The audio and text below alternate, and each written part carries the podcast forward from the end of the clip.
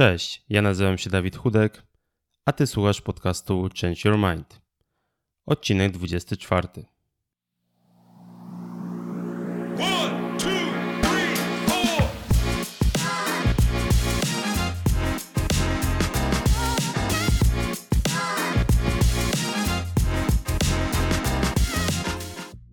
Moją misją jest zdefiniować na nowo rozwój osobisty, uczynić go bardziej dostępnym dla wszystkich – i przekonać jak najwięcej ludzi, że zmiana w życiu jest możliwa, niezależnie od tego, w jakiej aktualnie sytuacji się znajdujesz. Podcast, którego właśnie słuchasz, jest elementem realizacji tej misji wraz z blogiem, do którego link znajdziesz w opisie każdego odcinka. W tej serii przeprowadzam wywiady z inspirującymi ludźmi, a także dzielę się swoimi przemyśleniami, które mam nadzieję skłonią Cię do refleksji i pobudzą do działania. Moim dzisiejszym gościem jest Klaudyna Maciąg. Pracuje ona jako zawodowa content writerka i copywriterka. Jest autorką książki Pisz, publikuj, działaj. Jak tworzyć skuteczne treści w internecie. A także poradnika dla początkujących transkrybentów i bestsellerowego dziennika wieloletniego. Rozmawiamy m.in. o tym, kim jest copywriter, jaka jest definicja skutecznej treści, czyli takiej, która przyciąga czytelników, w jaki sposób zacząć pisać na poważnie i co należy robić, żeby tę umiejętność rozwijać, a także jaka jest przyszłość blogów.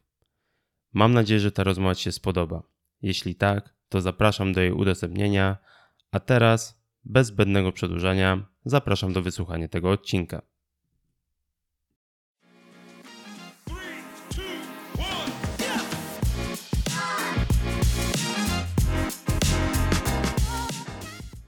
Cześć Klaudyna, bardzo mi miło, że przyjęłaś moje zaproszenie i chcesz ze mną porozmawiać. Temat jest, myślę, bardzo aktualny i, i mnie też interesujący. W sumie wszystkie tematy, mm, które poruszam w moim podcaście, są też dla mnie interesujące. Um, ale chciałbym oczywiście zacząć od tego, żebyś powiedziała kilka słów o sobie, czyli czym się zajmujesz na co dzień. Tak w dużym skrócie. Okej, okay, dziękuję Ci bardzo za zaproszenie w pierwszej kolejności.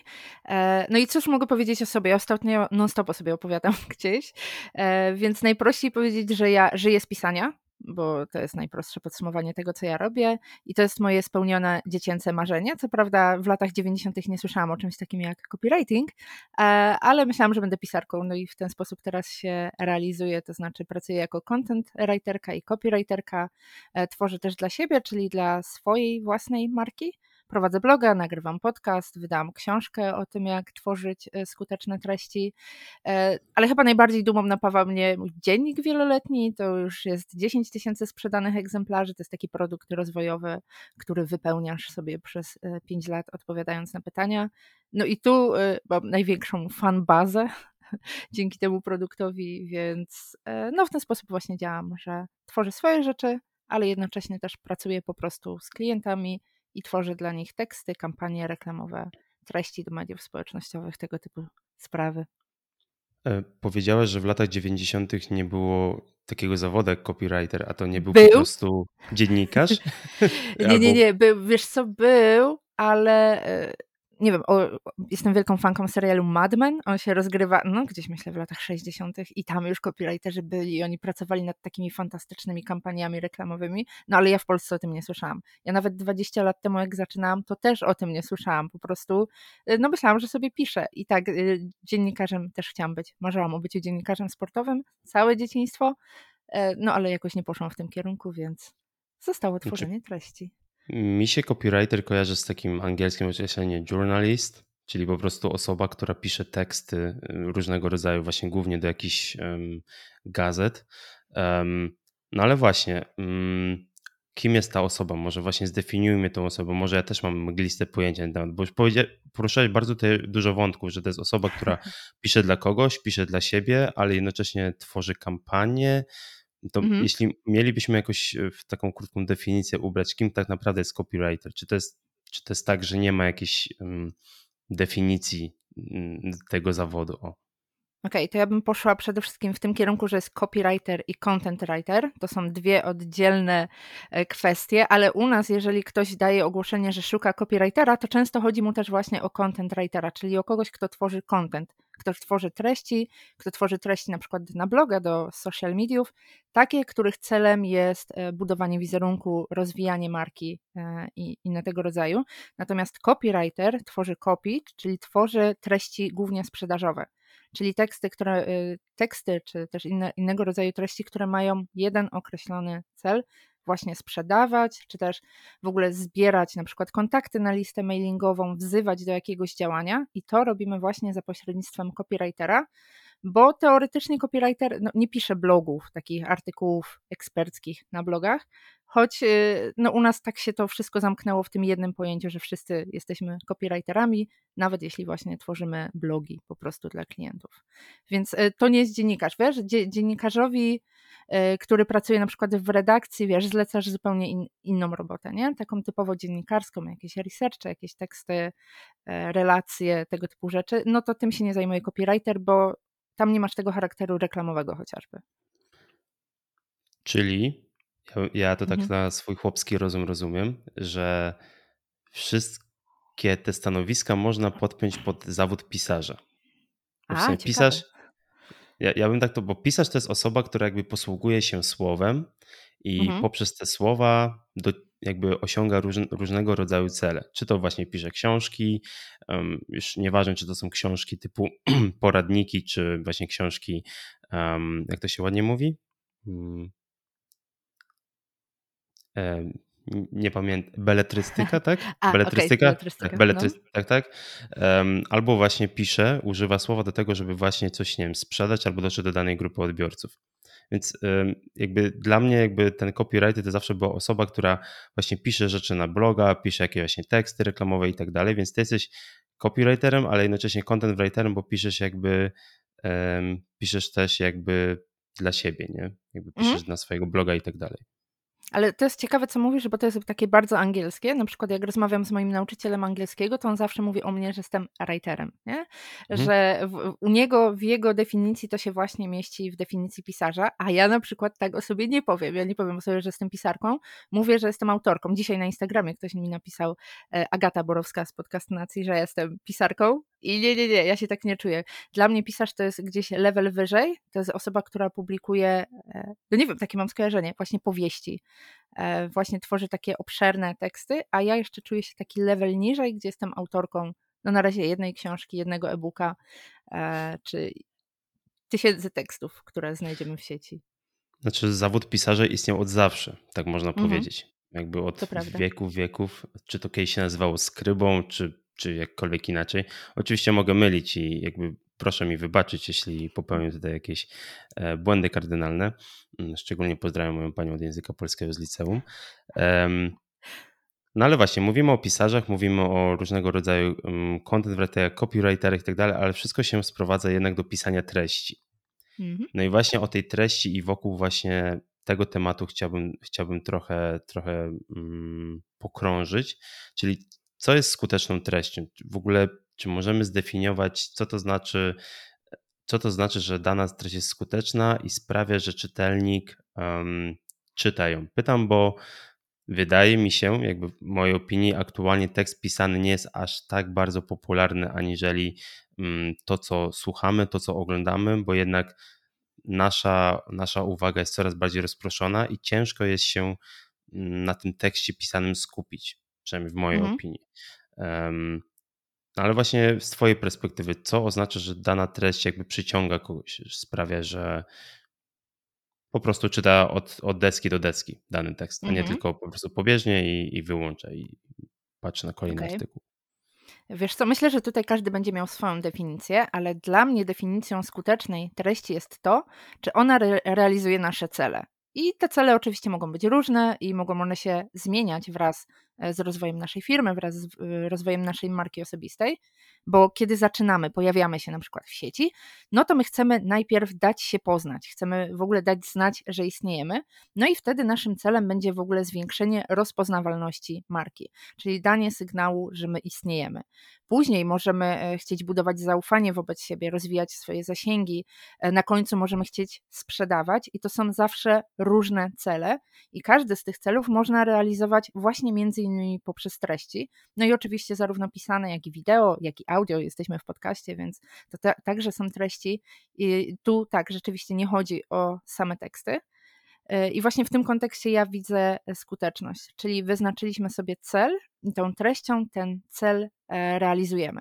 Natomiast jeśli chodzi o to, co przyciąga czytelnika, no to tutaj wiadomo, nie da się stworzyć jednej figury, że aha, zawsze to zadziała na każdego, na wszystkich.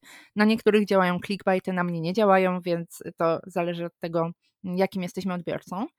E, ale myślę, że są pewne uniwersalne kwestie, na które warto zwrócić uwagę, kiedy tworzymy treści. I na przykład, czy jest w nich coś, co zostanie z czytelnikiem na dłużej, czyli coś, co on zapamięta, albo coś, co natychmiast ściągnie jego uwagę, bo tak jak mówisz, nasza uwaga jest obecnie drastycznie rozproszona, czyli my widzimy te miliony nagłówków i żeby wybrać ten jeden, który nas zainteresuje, to on musi być naprawdę podkreślone na być... czerwono, albo szczególnie jak się wejdzie na tak, albo szczególnie jak się wejdzie na portale informacyjne i tam po prostu na czerwono pilne, ważne i tak dalej, i tak dalej. Mm, tak, a później pierdoły w środku, nie? Mhm, dokładnie. E, do, tak to wygląda, że uwaga odbiorcy jest bardzo rozproszona i on może nam poświęcić ułamek sekundy i po tym ułamku sekundy nas po prostu odrzucić, jeśli my go nie, zna, nie złapiemy jak rybki na haczyk. No to brzmi brutalnie, to brzmi trochę przedmiotowo, ale rzeczywiście e, tak jest. I e, w artykułach, w podcastach, we wpisach blogowych warto zacząć od czegoś, co powie czytelnikowi czy widzowi, słuchaczowi, tak, musisz tutaj zostać, bo ty czujesz, że chcesz tutaj e, zostać. No i jeśli coś ma ściągnąć tę jego uwagę, no to trzeba działać właśnie od razu, zagrać tym tytułem wpisu, ty, tytułem podcastu, pierwszym zdaniem w social mediach. Tam jest trudniej, no bo tam nie, nie mamy tych wyraźnych tytułów, więc musi być to pierwsze zdanie, które, e, które go przyciągnie. Może tekst na grafice, no bo jeśli mówimy o mediach społecznościowych, to tam też możemy grać e, grafiką. Otwarciem e, odcinka podcastu, czyli jakimś wycinkiem ciekawego fragmentu, no to to jest coś, co odbiorca widzi, co odbiorca słyszy jako pierwsze i to powinno być chwytliwe, to powinno być intrygujące, wzbudzające zainteresowanie. Nie tak clickbaitowo, że to będzie jakaś totalna, totalne przepraszam, przychodzą mi brzydkie słowa na myśl, no, co, totalne gówno, które nie będzie miało nic wspólnego z treścią, to jest okropne, ale to musi być coś, e, no co właśnie przyciągnie, jakieś rzucenie liczbą, jakieś e, pytanie, które, o tak, ja muszę odpowiedzieć na to pytanie, czuję, że chcę wejść, żeby odpowiedzieć albo jakieś takie, wiesz, pokrętna treść, która, e, wiesz, przyciąga nas, bo my już się chcemy pokłócić, ale później się okazuje, że jednak ten tekst dotyczył troszeczkę czegoś innego, jest taki dosyć e, przewrotny, no bo dzięki temu ten e, czytelnik czy ten widz chce właśnie zwrócić na nas uwagę, chce z nami zostać, no a dopiero potem będziemy go przeciągać na swoją stronę dobrą, czytelną, rzetelną, taką interesującą treścią, którą on, tak jak mówiłeś, odczyta do des od deski do deski i zostanie z nami do końca. Mm, ja tutaj bym dotknął tematu tego haczyka, haczyku znowu. Mhm. Um, proszę mi wybaczyć mhm. e, moje błędy językowe, bo jakby to pierwsze zdanie, czy to w poście, czy te, wstęp do tego podcastu właśnie ma nas zainteresować, ale mam trochę wrażenie, że dzisiejsze treści trochę są nakierowane na takie haczyki, które są trochę kontrowersyjne. Na przykład mm, znalazłem sposób, żeby zarobić milion dolarów. Mhm. To jest jakby haczyk, który ma nas, um, który ma nas jakby zachęcić do dalszego czytania i wydaje mi się, że takie tematy są po, e, jakby zachęcające ludzi do, do, do otwierania dalszej treści, do czytania mm, e, dalszej części artykułu. No ale właśnie mm, w jaki sposób jakby to wyważyć w kontekście tego, że, że ten haczyk jest właśnie taki mm, moralnie dobry, ale mhm. a, i, a z drugiej strony właśnie jest taki, że tego widza zachęci? Czy to może, może można by zrobić w ten sposób, że na przykład badamy naszą społeczność, jakie ona ma zainteresowania? Nie wiem, zastanawiam się właśnie, w jaki sposób do tego podejść w taki już praktyczny sposób. Czyli co, mhm. jakby za, zawsze podchodzimy do tego w ten sposób, że wrzucamy kawałek mm, odcinka podcastu na początku, żeby, go, żeby widza zachęcić, mm, albo w przypadku właśnie tekstów pisanych, że wrzucamy ten haczyk. W jaki sposób to do tego podejść praktycznie już? A to jest ciekawe, bo możemy właśnie, tak jak mówisz, po prostu testować. Czyli raz wykorzystać e, to, że zaczniemy w ten sposób, raz zaczniemy e, w inny sposób, kolejny raz jeszcze inaczej i będziemy sprawdzać, jak oni reagują. Oczywiście jedna próba to jest za mało, bo nie wyciągniemy wniosków na podstawie tego, trzeba by to robić częściej, ale na przykład, kiedy robimy w newsletterach testy AB, to tam bardzo dobrze widać. Czyli e, ostatnio widziałam badanie, że jeżeli na początku jest emoji, to ludzie chętniej otwierają. E, sama w firmie, dla której pracowałam, też robiliśmy, e, robiliśmy takie badanie i tam przetestowaliśmy, że imię na początku, ta personalizacja bardzo dobrze działa. I w newsletterach to jest o tyle fajne, że ten system nam wylicza, co się super sprawdziło, od razu widzimy statystyki. E, w przypadku wpisów blogowych to także da się sprawdzić no, ale jest trochę gorzej, bo jak już puścimy ten tekst i go, nie wiem, reklamujemy w mediach społecznościowych, no to albo on zażarł, albo nie. Jeśli spróbujemy drugi raz, to może już być ciężko. E, natomiast obserwuję coś takiego na YouTubie, że często zmieniają się e, te miniaturki zdjęć na filmach. E, dlatego, że twórcy dochodzą do wniosku, że ta nie zagrała, ale zagra inna i oni to zmieniają. I jak się, i to nie dzieje się, wiesz, po pół roku, gdzie oni doszli do wniosku, że ta co, coś było nie tak i trzeba je zrobić ładniej, tylko na bieżąco, po 12 godzinach zmienimy na inną, żeby był inny tytuł widoczny, inne zdjęcie. No, tego typu testy pozwalają ci sprawdzić, czy rzeczywiście to coś, co zrobiłeś, przyciągnęło tę uwagę. Natomiast wspominałeś też o tym aspekcie moralnym, no to ja bym tutaj sobie zawsze odpowiedziała na pytanie, czy y, ten tytuł, który dajemy, to on jest rzeczywiście uczciwy. Czy jest właśnie taką taką clickbaitową bzdurą, która później, e, wiesz, no nie ma sensu w środku. Czyli widzimy nagłówek, ale on później się nie pokrywa z tym, co jest w treści. Czy jednak tym przyciągającym tytułem później kontynuujemy temat i tak rzeczywiście zarobiliśmy te miliony i opowiadamy o tym, jak to, jak to zrobić. To generalnie można dojść do wniosku, że nie jest to takie łatwe, jakby się wydawało, czyli że nie wystarczy zrobić clickbait, tak to robią właśnie portale informacyjne, Um, szczególnie mi zapadło w pamięć, um, właśnie nie wiem, czy to można nazwać taktyką, ale w jaki sposób właśnie przyciągnąć czytelnika na portalach informacyjnych. I kiedyś o tym czytałem, że jeden z najlepszych sposobów jest e, napisanie coś w stylu um, poznał jeden magiczny sposób na zrobienie czegoś tam, albo albo zapomniał o jednym ważnym szczególe, sprawdźcie jaki. I otwierasz taki artykuł, właśnie, który, mm, który właśnie e, wskazuje ci na to, że mm, w tym artykule znajdziesz odpowiedź na nurtujące cię pytanie, bo osoba mhm. odkryła jakąś jedną magiczną formułę, cokolwiek, a po prostu wchodzisz w ten artykuł i się okazuje, że tak naprawdę tam nic nie ma takiego konkretnego, nie? Mm, albo po prostu drugi typ, jaki zauważyłem, zresztą przeczytałem o tym, a nie zauważyłem, potem zauważyłem, to to, że właśnie tak, takie napędzanie strachu. Okej. Okay. To, jest, to jest też chyba bardzo klikalne, szczególnie w dzisiejszych czasach, gdzie, mm, gdzie jakby wydaje mi się, że jakby strachem karmi się ludzi, szczególnie właśnie w, w, tekstach pisanych i nie tylko, ale dobra, to nie jest rozmowa o tym. Dla mnie jest właśnie interesujące to jakby ten psychologiczny, jeśli tak to można nazwać, e, psychologiczny aspekt właśnie czytania artykułów, czyli właśnie mamy te, nazwijmy to kotwice, tak to się mhm. chyba ładnie nazywa, a na końcu mamy tak ten, ten fajny taki call to action, tak, czyli jak to po polsku powiedzieć? Nie wiem, czy jest jakiś polski Wezwanie do działania. Wezwanie, wezwanie, do, działania. Do, wezwanie do działania, prawda? Mhm. Mm, I tylko właśnie w jaki sposób musimy sprawić że, te, sprawić, że ten czytelnik od tego haczyka do tego wezwania do działania dojdzie, nie? E, no ale dobra, to są jakby teksty i jakby możemy powiedzieć, że musimy eksperymentować. No ale żeby eksperymentować, musimy mieć jakiś warsztat.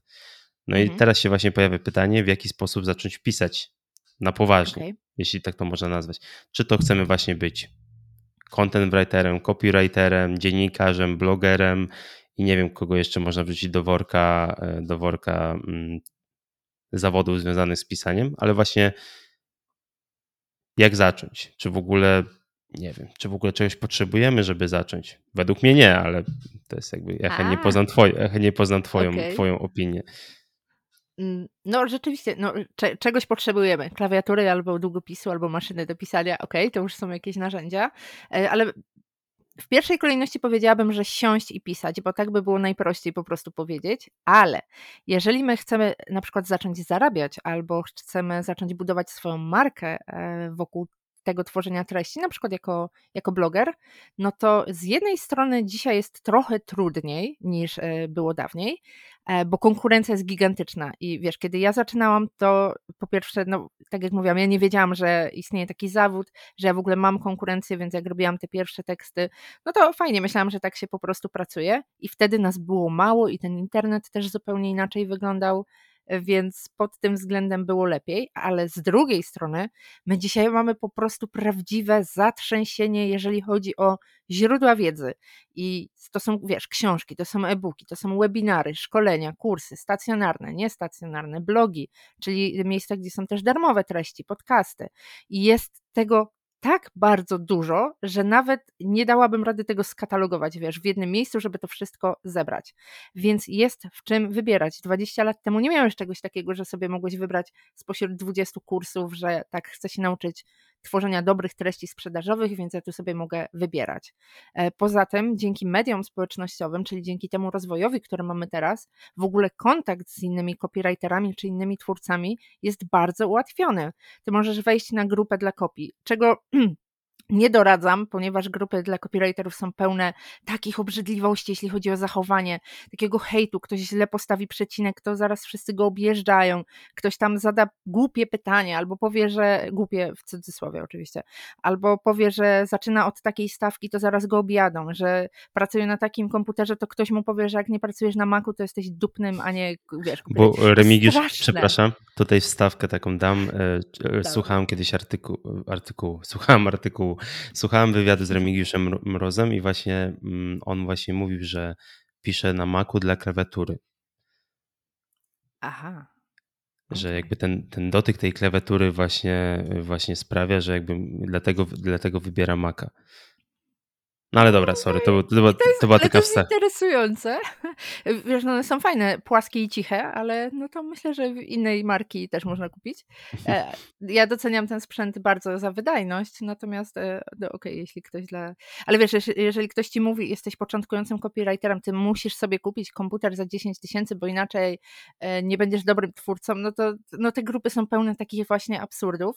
No ale masz kontakt z innymi, tam można się poradzić czegoś, można pogadać opowiadać o prowadzeniu firmy i są tam ludzie, z którymi da się rozmawiać. Poza tym e, tacy więksi twórcy, oni są na wyciągnięcie ręki.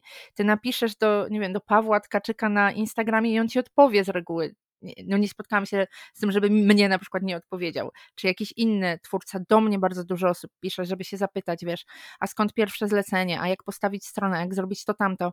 Czyli dawniej nie miałeś kogo zapytać, nie miałeś tych źródeł, a teraz po prostu to wszystko jest na wyciągnięcie ręki. I pod tym kątem jest dużo łatwiej. I myślę, że jeżeli ty włożysz wysiłek w budowanie tej swojej marki, takiej marki eksperta, tak? Jeśli mówimy już o zarabianiu na tym, jeżeli będziesz rozwijać swoje umiejętności, i to nie chodzi tylko o umiejętności pisarskie, bo copywriting to jest coś dużo więcej. Musisz się nauczyć komunikacji, musisz się nauczyć sprzedawać, musisz się uczyć perswazji, wielu, wielu różnych rzeczy. No to Twoje szanse na przebicie się na tym rynku będą dużo większe, bo niby ta konkurencja jest, ona jest ogromna. Jak dasz ogłoszenie na grupie dla copywriterów, to dostaniesz tysiąc wiadomości zwrotnych, nie przebijesz się przez to. Oni wszyscy będą chcieli coś e, dla Ciebie napisać. I na ich tle da się wyróżnić, bo tej konkurencji jest bardzo dużo, ale większość tych osób nie, nie wiesz, nie ma swojej strony internetowej, nie ma swojego podcastu, nie ma swoich social mediów, nie nagrywa, wiesz,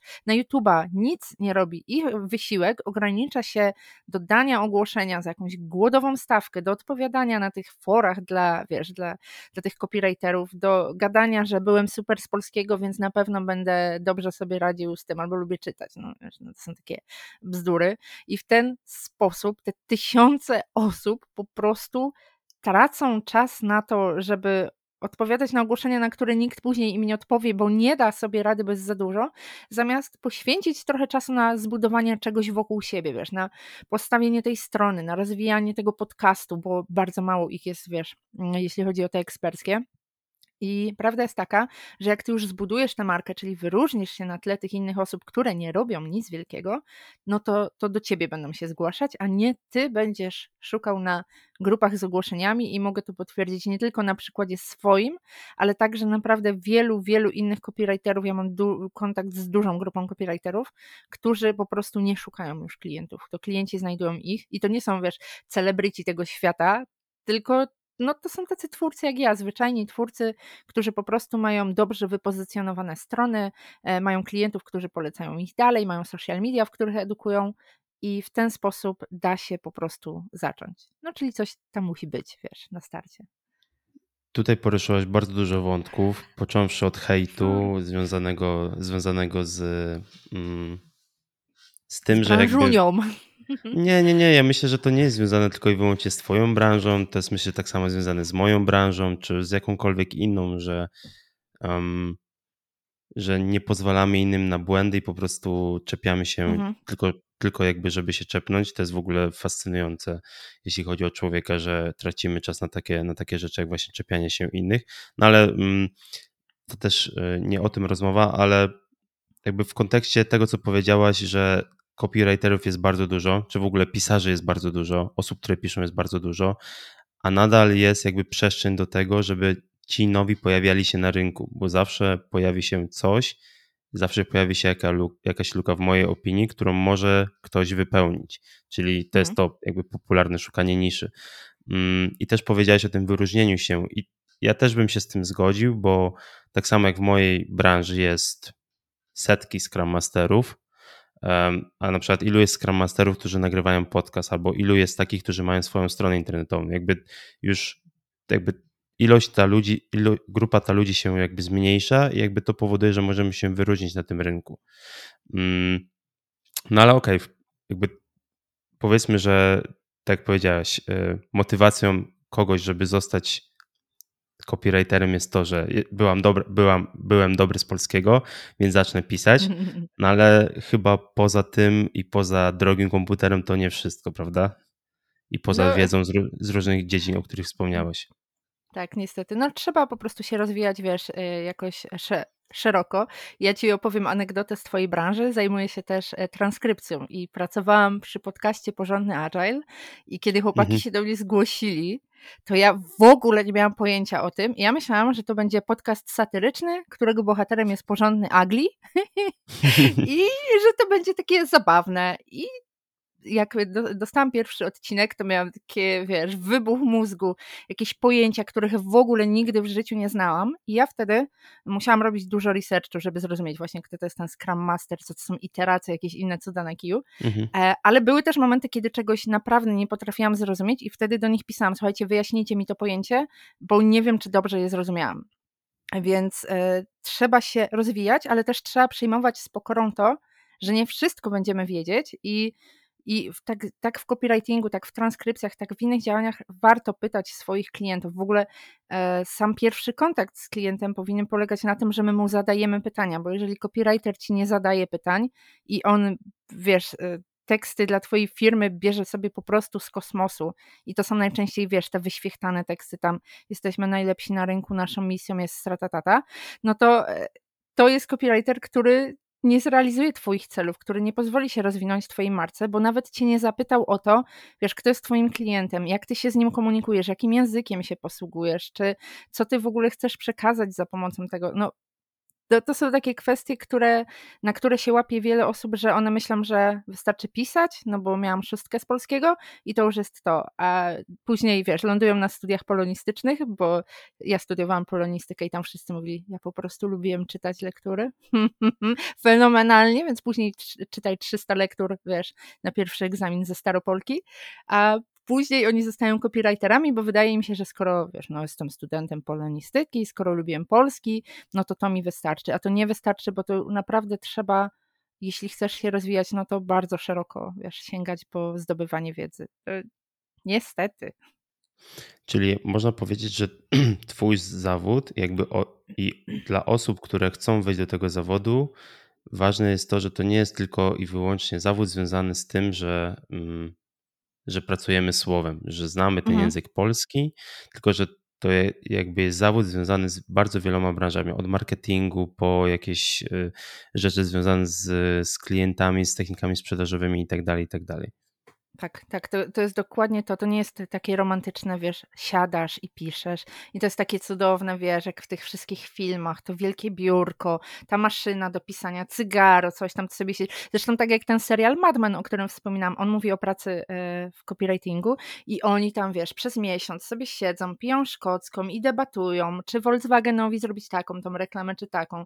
I teraz bardzo wielu copywriterów ci powie, że e, takich starych wyjadaczy, że o, to był prawdziwy copywriting, że to nie jest to, co wy teraz robicie, te teksty do internetu. Tylko prawda jest taka, że świat się zmienił i jakby tamci copywriterzy istnieli w dzisiejszym świecie, to oni też by musieli się użerać z tym internetem, no bo tak to działa, a tu ci wiesz, ktoś powie, że tak było romantycznie wtedy, nie? że siedziałeś nad tą kampanią i sobie tam debatowałeś. No, no to nie jest tak, to nie jest tak, siadasz i piszesz i to ci wystarczy, bo nawet możecie zastąpić e, byle korektor internetowy, jeśli chodzi o, nie wiem, o poprawność językową, którą ty się tak szczycisz. Znaczy, hipotetycznie nie, nie mówię ty, tylko wiesz, którą się szczyci ten twórca, że tak, ja dobrze znam polski, więc będzie super.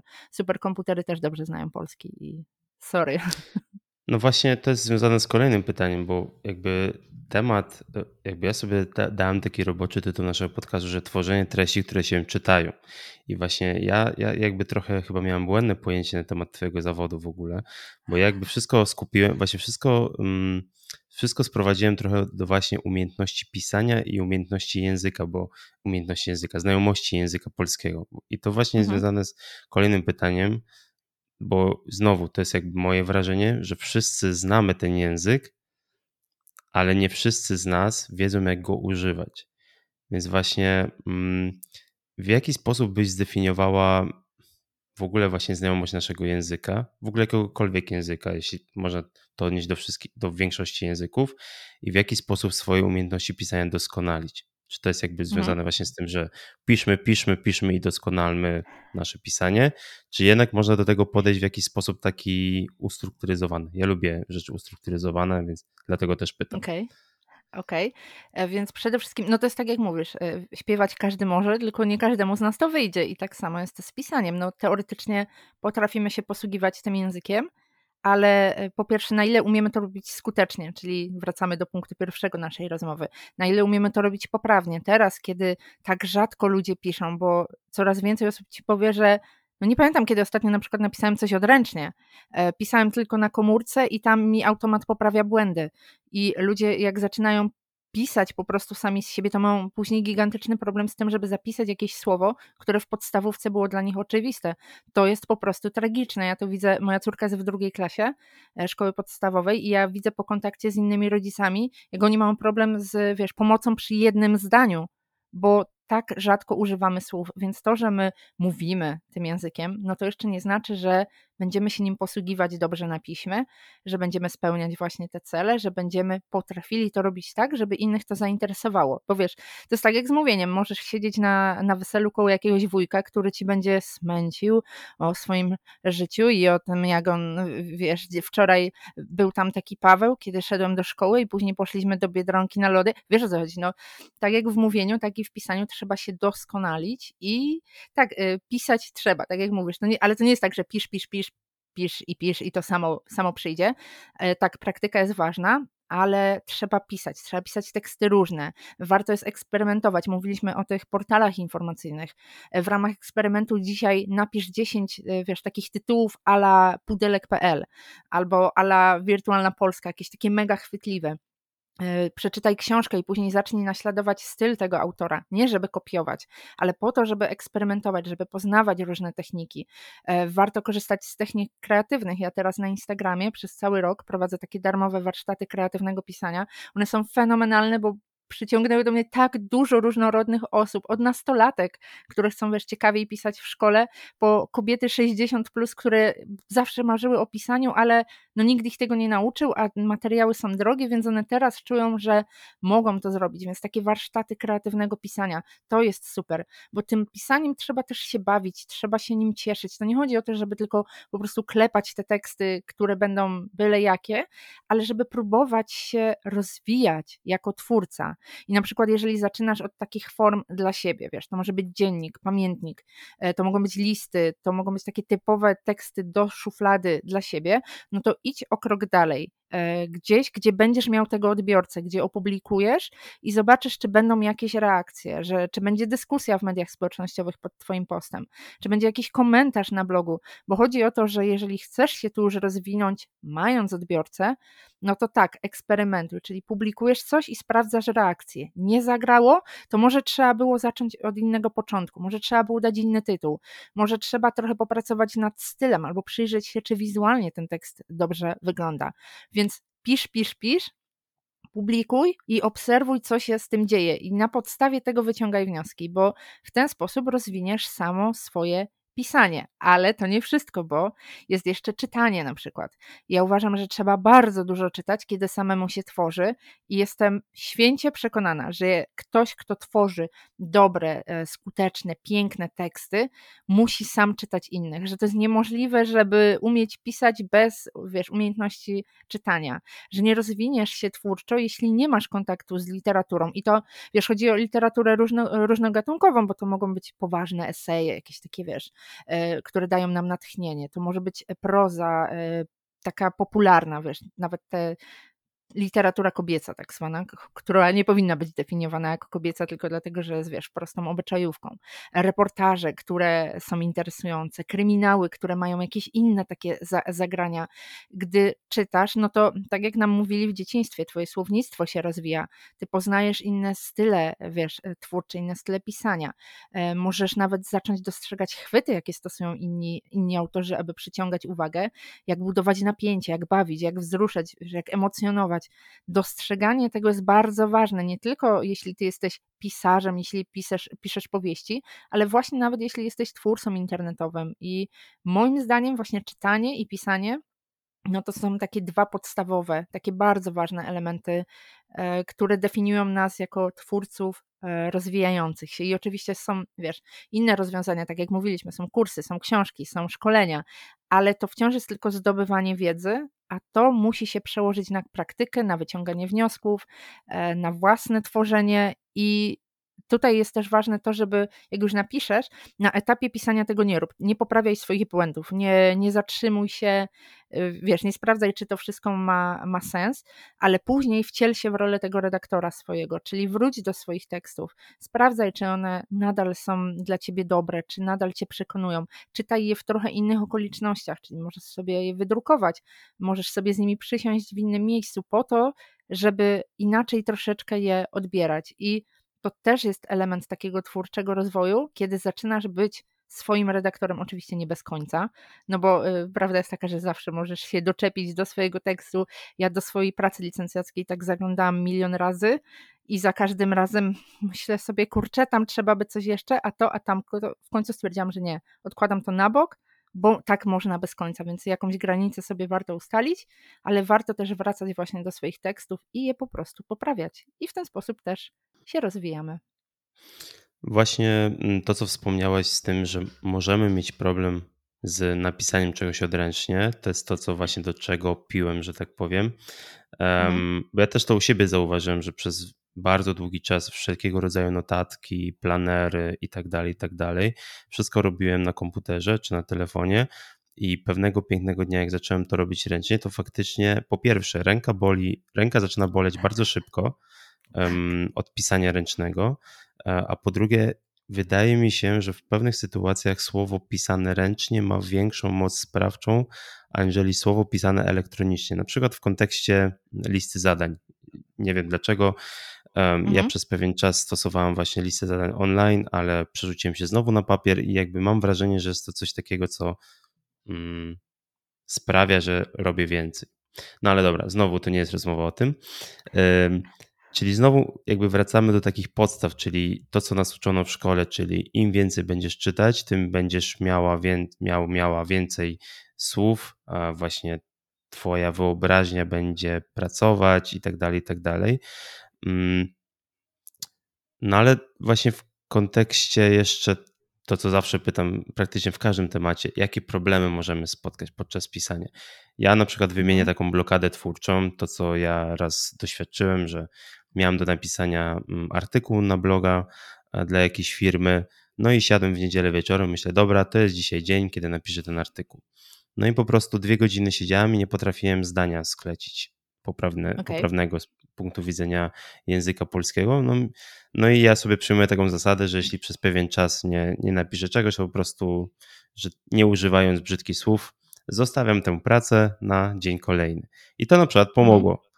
E, ale na przykład z Twojego punktu widzenia, jakie mogą być inne takie problemy związane z, z pisaniem, e, poza taką jakby blokadą twórczą? Ale o tej blokadzie twórczej też możesz powiedzieć, jeśli masz jakieś okay. swoje sprawdzone patenty na to. A, pewnie, że tak.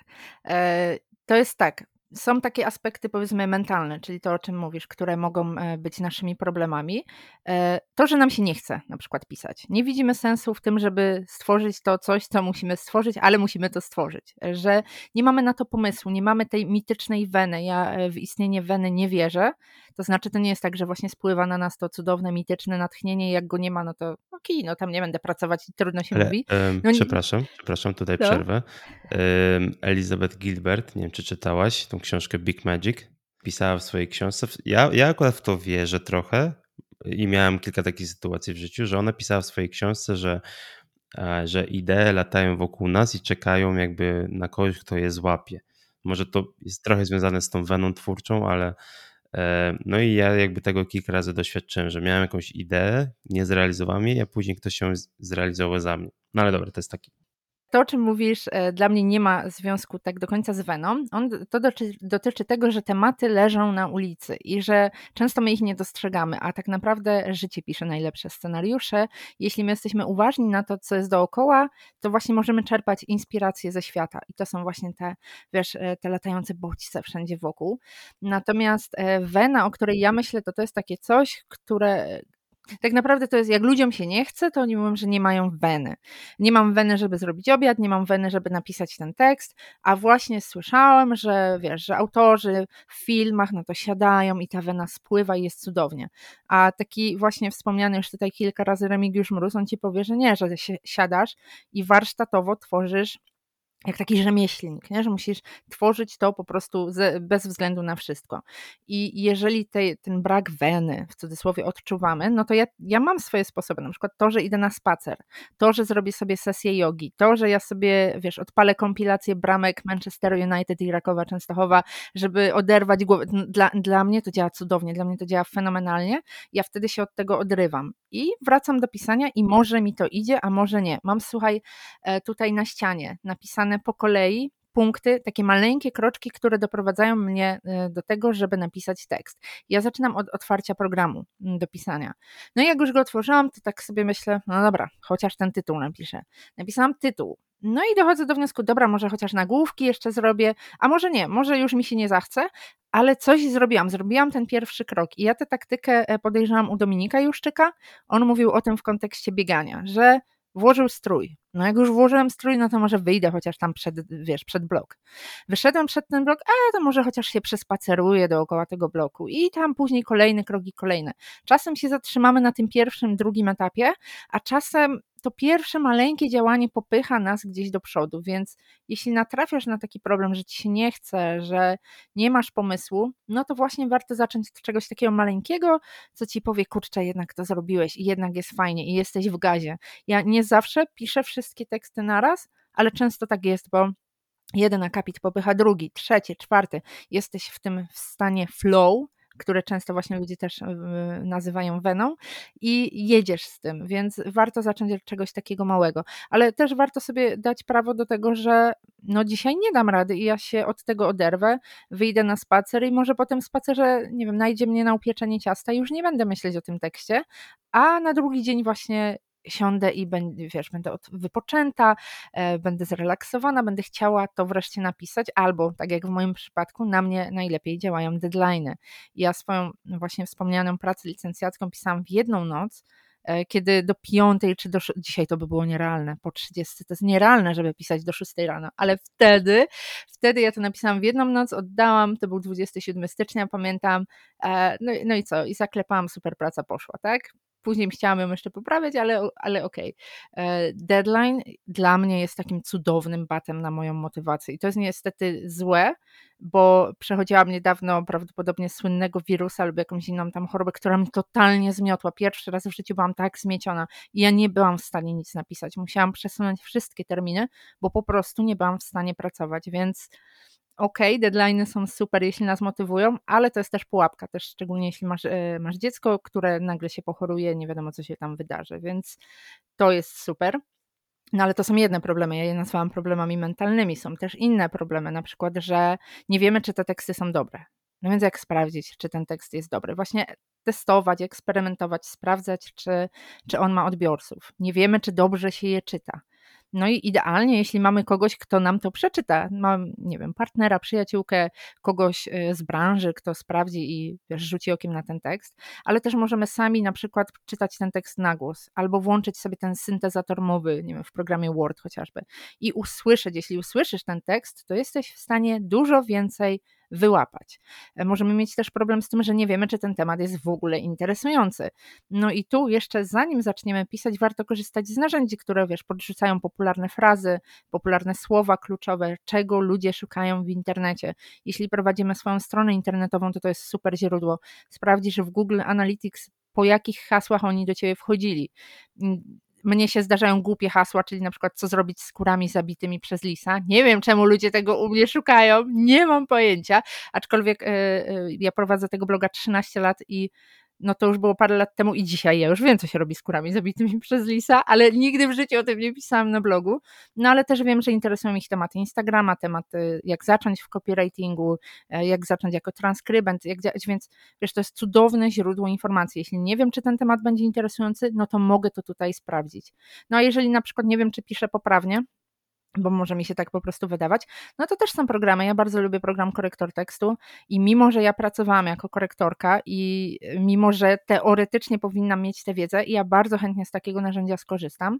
I na przykład, kiedy publikowałam swojego e-booka o tworzeniu transkrypcji, ja zlecałam korektę na zewnątrz. I korektorzy, gdy wydają swoje publikacje, też zlecają je na zewnątrz, bo ty samodzielnie ten tekst, który widzisz tysiąc razy, to twój mózg tych błędów nie widzi, bo wyłapie może jakąś tam jedną, drugą literówkę, ale jeżeli czegoś nie zauważył tysiąc razy, to nie zauważy przy tysiąc pierwszym, więc są też takie narzędzia, jeśli nie wiemy, czy dobrze napisaliśmy coś, żeby to po prostu sprawdzić i no i wtedy to nasze pisanie też będzie się rozwijać. Mm, to podejście, o którym mówisz, właśnie tych małych kroków, że na przykład e, z tym bieganiem, czy że założymy strój, później wyjdziemy przed blok i tak dalej, mhm. to jest z bodajże z atomowych nawyków też wzięte. E, tak, tak, tak, tak. Jeszcze wydaje. nie czytałam. Jeszcze nie czytałam, one tu są, ale e, tak, ktoś mi ostatnio o tym mówił, że. A tak, Dominik pewnie wziął to z atomowych nawyków. A widzisz. Tak, tak, bo to podejście ja na przykład słyszałem w gotowaniu też, ale nie będę ci spoilerował. Jeśli nie czytałaś, to, to nie będzie ci spoilerów dało. Przecież w sumie już hmm. dałem jeden spoiler. Ale teraz um, brzmi intrygująco, słuchaj, to jakbyś napisał artykuł, czego o gotowaniu dowiesz się z atomowych nawyków, to ja bym to chwyciła, więc a, dobre. Na ten moment trochę mam problem właśnie z pisaniem artykułów na bloga, więc to jest dobry moment, żeby wrócić do tego, ale to też nie o tym jest. Um, i mam jeszcze jedno pytanie, jako na, na, na, zakończenie naszej rozmowy. Co myślisz w ogóle o przyszłości blogów? Czy w ogóle mm, blogi w takiej formie, że właśnie długich artykułów, czy w ogóle jakby blogi w kontekście w ogóle blogów mają jeszcze rację bytu? Mm, jeśli tak, to jaka jest ich przyszłość i, i w jakim może kierunku te blogi powinny iść w, twoim, w Twojej opinii? Okej, okay. czyli rozmawiasz z fanką blogów numer jeden. E, I przede wszystkim zwróćmy uwagę na fakt, że chociaż mówi się właśnie o zmierzchu blogosfery, no bo social media, tratatata, to one nadal są i one mają się świetnie. tylko w innym charakterze niż dawniej. I coraz więcej dużych twórców, którzy na przykład przenieśli się do mediów społecznościowych, mówi o tym, że będą wracać do blogów, bo właśnie one lepiej działają, są takie bardziej trwałe i bardziej ich e, przekonują. Natomiast war, warto zwrócić uwagę na fakt, że blogosfera już nie będzie taka sama, jak była dawniej. Chociażby pod tym kątem, że kiedy ja zaczynałam e, w blogowaniu na poważnie, nie mówię o pierwszych tych pamiętniczkach, tylko na poważnie, to miało miejsce w roku 2010, to wtedy sekcja komentarzy płonęła, tam się działy dyskusje, wymiany zdań. Tam ja miałam wpisy, pod których miałam po 200 komentarzy, bo ludzie tak dyskutowali. I dzisiaj tego nie ma. Dzisiaj dyskusje przenoszą się do mediów społecznościowych. Ty publikujesz artykuł, zajawiasz go gdzieś w mediach społecznościowych i tam się o nim dyskutuje. Lub na YouTubie, jeśli publikujesz na YouTubie, no to tam. I pod tym względem absolutnie już nie wrócimy do tego, co było dawniej. Nie wierzę, że wrócą te, te, te, takie dzikie dyskusje, ale blogi są nadal super, super ważne, bo to tam trafiają do nas ludzie z wyszukiwarek. Oni nie trafią do nas, wiesz, na Instagram po hasłach, wiesz, kluczowych, co najwyżej po imieniu i nazwisku. E, I na blogu właśnie tam trafią. To tam się możemy porządnie rozpisać, a nie na 2000 znaków. E, to tam łatwo, logicznie, z sensem poukładamy treści. Tam się jest banalnie łatwo poruszać. I to są e, treści, które będą łatwo wyszukiwalne dla odbiorcy. Chyba nadużywam słowa łatwo, przepraszam. Ale tak, on wchodzi na Twoją stronę, widzi to okienko wyszukiwarki, tak? Może sobie znaleźć coś na stronie. Widzi, tu jest dział biznes i wiem, że znajdę tam treści biznesowe. Tu jest dział, wiesz, zarządzanie zadaniami, cokolwiek. A wchodzi na Instagram i nawet jeśli Ty masz te relacje wyróżnione, to one mogły tam gdzieś zniknąć już dalej. E, podobno cykl życia, dzisiaj to widziałam, na posta na Instagramie trwa 48 godzin i on później ginie. Ginie w tłumie, on gdzieś zjeżdża na dół i to jest przecież dramat. E, pracujesz nad jakąś bardzo ważną, edukacyjną, ciekawą treścią i ona za chwilę spłynie na dół i jej nie ma już w ogóle zakładając, że komukolwiek to pokaże, tak? Bo pokaże tylko ograniczonej liczbie Twoich odbiorców. E, gdy będziesz chciała kogoś lub chciał kogoś do tej treści odesłać, no to to nie jest, e, wiesz, kwestia jednego kliknięcia, jeśli to będzie na przykład po miesiącu, tylko musisz scrollować, kombinować, szukać, odsyłać, jeśli jeszcze ktoś musi ten Instagram obsługiwać, co też, wiesz, jest pewną blokadą dla niektórych e, klientów. I pod tym względem, moim zdaniem, media społecznościowe przegrywają z blogami i musiałyby naprawdę drastycznie zmienić, wiesz, tę swoją strukturę, żeby móc z nimi wygrywać, a to jest moim zdaniem absolutnie niemożliwe. I oczywiście, wiesz, social media sprawiają, że my jesteśmy bliżej odbiorców, tam nasze zasięgi rosną. W ogóle widać to e, po markach, które współpracują z influencerami, że oni działają aktywnie w mediach społecznościowych, bo tam jest gigantyczny potencjał e, reklamowy. No ale i to jest szczególnie ważne, gdy my budujemy swoją markę, gdy budujemy swój biznes. Ciężko nam będzie przeskoczyć te ograniczenia social mediów, to, że one nie należą na nas, dla do nas. Do no, nas. No, one nie należą do nas i to jest tragiczne, że możesz dostać bana, e, może ci ktoś przejąć to konto. No zdarzały się takie sytuacje. Ostatnio musiałam zrezygnować z tego uwierzytelniania dwuskładnikowego na Twitterze, bo taką sobie przyjęli politykę, że tylko te płatne konta będą mogły ją mieć. No przecież to jest jakiś absurd. E, być może polityka danego serwisu przestanie mi odpowiadać i będę musiała Instagram ma być płatny, podobno. No właśnie, no, no różne, rzeczy mogą się wydarzyć i to już powinna być taka czerwona lampka dla mnie jako twórcy, że halo, tu mogę się promować, tu mogę się jakoś tam rozwijać, ale moim centrum dowodzenia ma być strona internetowa z blogiem, koniecznie z blogiem, bo strona internetowa, wiesz, taka wizytówka, no spoko, tylko że ona też nie, nie ściągnie ci odbiorców, bo po co oni tam mają trafiać, jak y, wyszukiwarka ich tam w ogóle nie popchnie. Newsletter, newsletter jest super opcją, bo tam masz, wiesz, bazę tych maili do swoich odbiorców i oni, wiesz, czytają te twoje wiadomości, jeżeli upadnie ci konto na Instagramie, to szybko do nich, wiesz, napiszesz, że przerzuciłem się na inny serwis i jest ok. I to jest taka bezpieczna, bezpieczna przystań, która zawsze dla ciebie będzie. Oczywiście, wiesz, no, mogą się spalić serwery, cokolwiek, ale masz te kopie zapasowe, a no tego Instagrama sobie nie odtworzysz i prawda jest taka, to jest trochę brutalne, ale na przykład mnie ciężko by było zaufać twórcy, e, wiesz, kogoś, kto ma swoje usługi, e, sklepowi, którzy nie mają swojej strony internetowej i oni mi mówią, że zakupy się odbywają na priv, a cennik to jest tam, wiesz, w czwartym kafelku od lewej. No, no to jest, no to jest nie, niepoważne, to jest absurdalne. Albo wycena indywidualna.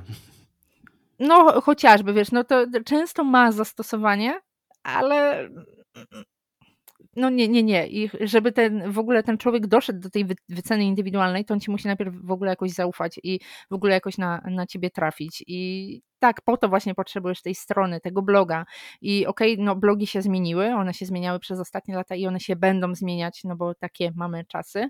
Nie mają już takiego potencjału reklamowego moim zdaniem jak dawniej, że wiesz, jedna twórczyni wrzuciła zdjęcie perfum, które e, kupiła test perfum i za chwilę one zniknęły e, ze sklepów, ale jeżeli budujemy markę, jeżeli budujemy biznes, to ta strona, strona z blogiem, oczywiście, to jest absolutny, wiesz, must have, to jest punkt obowiązkowy. I sądzę, że no to się jeszcze długo nie zmieni i taką przynajmniej mam nadzieję, bo uważam, że inwestowanie właśnie czasu, inwestowanie nawet pieniędzy, jeśli nas na to stać, właśnie w rozwój bloga jest, jest super ważne, bo tam po prostu te treści będą, one będą kierować do nas, my możemy później kierować dalej do innych wpisów, do swojego sklepu, gdziekolwiek ale niech one po prostu będą. Swoją drogą, wiesz, jak napiszesz jeden e, obszerny artykuł na blogu, to z niego zrobisz podcast, zrobisz sobie z niego kilka wpisów na social media, jakieś cytaty do wyodrębnienia, grafiki i tak dalej, i tak dalej, więc ten blog może być takim fajnym początkiem i okej, okay, to już nie jest miejsce, do którego ktoś będzie zaglądał, czytał cię codziennie, tak jak to było dawniej i później w komentarzach się odnosił, no ale nowi ludzie będą tam z wyszukiwarek trafiać i ja to widzę po swoim blogu, którego nie aktualizowałam przez jeden rok to był chyba 2021, opublikowałam jeden wpis na początku roku, to był wpis z linkiem afiliacyjnym. Ja zarobiłam na nim kilka tysięcy dolarów na moje lekcje angielskiego i serbskiego, bo to było do wykorzystania e, w serwisie, w którym się uczę języków.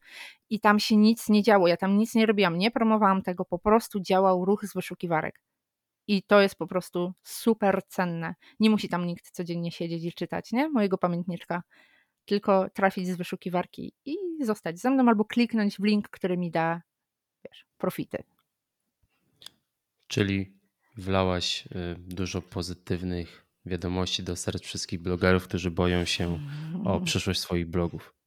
A, Zdecydowanie, wiesz, no, ja naprawdę jestem fanką numer jeden i też jak widzę właśnie, że ci więksi twórcy mówią, że będą odchodzić od mediów społecznościowych, że będą przekierowywać więcej uwagi tam właśnie dla siebie, to jest bardzo ważne. Nawet jeśli jesteś właśnie copywriterem pracującym dla klientów, e, to jeżeli zaczniesz też tworzyć na rzecz swojej własnej marki, to to tylko zaprocentuje. Lepiej czasem mm, przez ten jeden dzień nie zarobić nic, wiesz, dla klienta robiąc, ale robiąc coś dla siebie, żeby to potem procentowało. No i blog tutaj no, działa jak złoto, tak, tak ci powiem. To na koniec jest czas na autoreklamę zawsze w moim podcaście. Czyli gdzie, nie gdzie, um, czyli jakie usługi oferujesz i gdzie możecie znaleźć, jeśli ktoś chciałby się z Tobą skontaktować. A słuchaj, jeśli chodzi o usługi, to jest taki problem, że ja nie przyjmuję nowych zleceń, bo mam ich za dużo aktualnie, dlatego nawet sekcję usług mam wyłączoną na swojej stronie. Natomiast pocztą pantoflową czasem niektórzy jeszcze do mnie docierają, na przykład na konsultacje marketingowe, jeżeli potrzebują pilnie jakiegoś tekstu, a gdzieś tam się znamy, na przykład z sieci, no to też dla nich napiszę. No ale ja też e, edukuję innych, tak, na, na Instagramie, pod moim imieniem i nazwiskiem Klaudyna Maciak. E, nagrywam podcast Zacznijmy od słowa. Napisałam też książkę o tym, jak tworzyć skuteczne treści w internecie. Pisz, publikuj, działaj. E, I chciałabym Ci powiedzieć, bo Ty jej jeszcze nie znasz, że dużo Twoich pytań znajduje odpowiedź właśnie w tej książce. Ja nie chciałam się nią posiłkować tutaj, kiedy rozmawialiśmy, no i nie miałabym jak, wiesz, sięgnąć po nią i przeczytać odpowiedź, no ale pamiętam, co napisałam, więc tam jest dużo na ten temat. Jest, są też nawet gotowe tematy y, na posty. Jeżeli nie, nie umiesz sobie znaleźć tematu, to tam znajdziesz inspirację, albo jak zaczynać właśnie chwytliwe nagłówki, więc wszystko tam jest w Pisz, Publikuj, Działaj. To wszystkich zainteresowanych odsyłamy do linku, który będzie pewnie w opisie tego odcinka do książki, ale także na Twoje media społecznościowe. Mm, a tymczasem chciałem Ci bardzo podziękować za rozmowę i myślę, że do usłyszenia. A, dziękuję bardzo.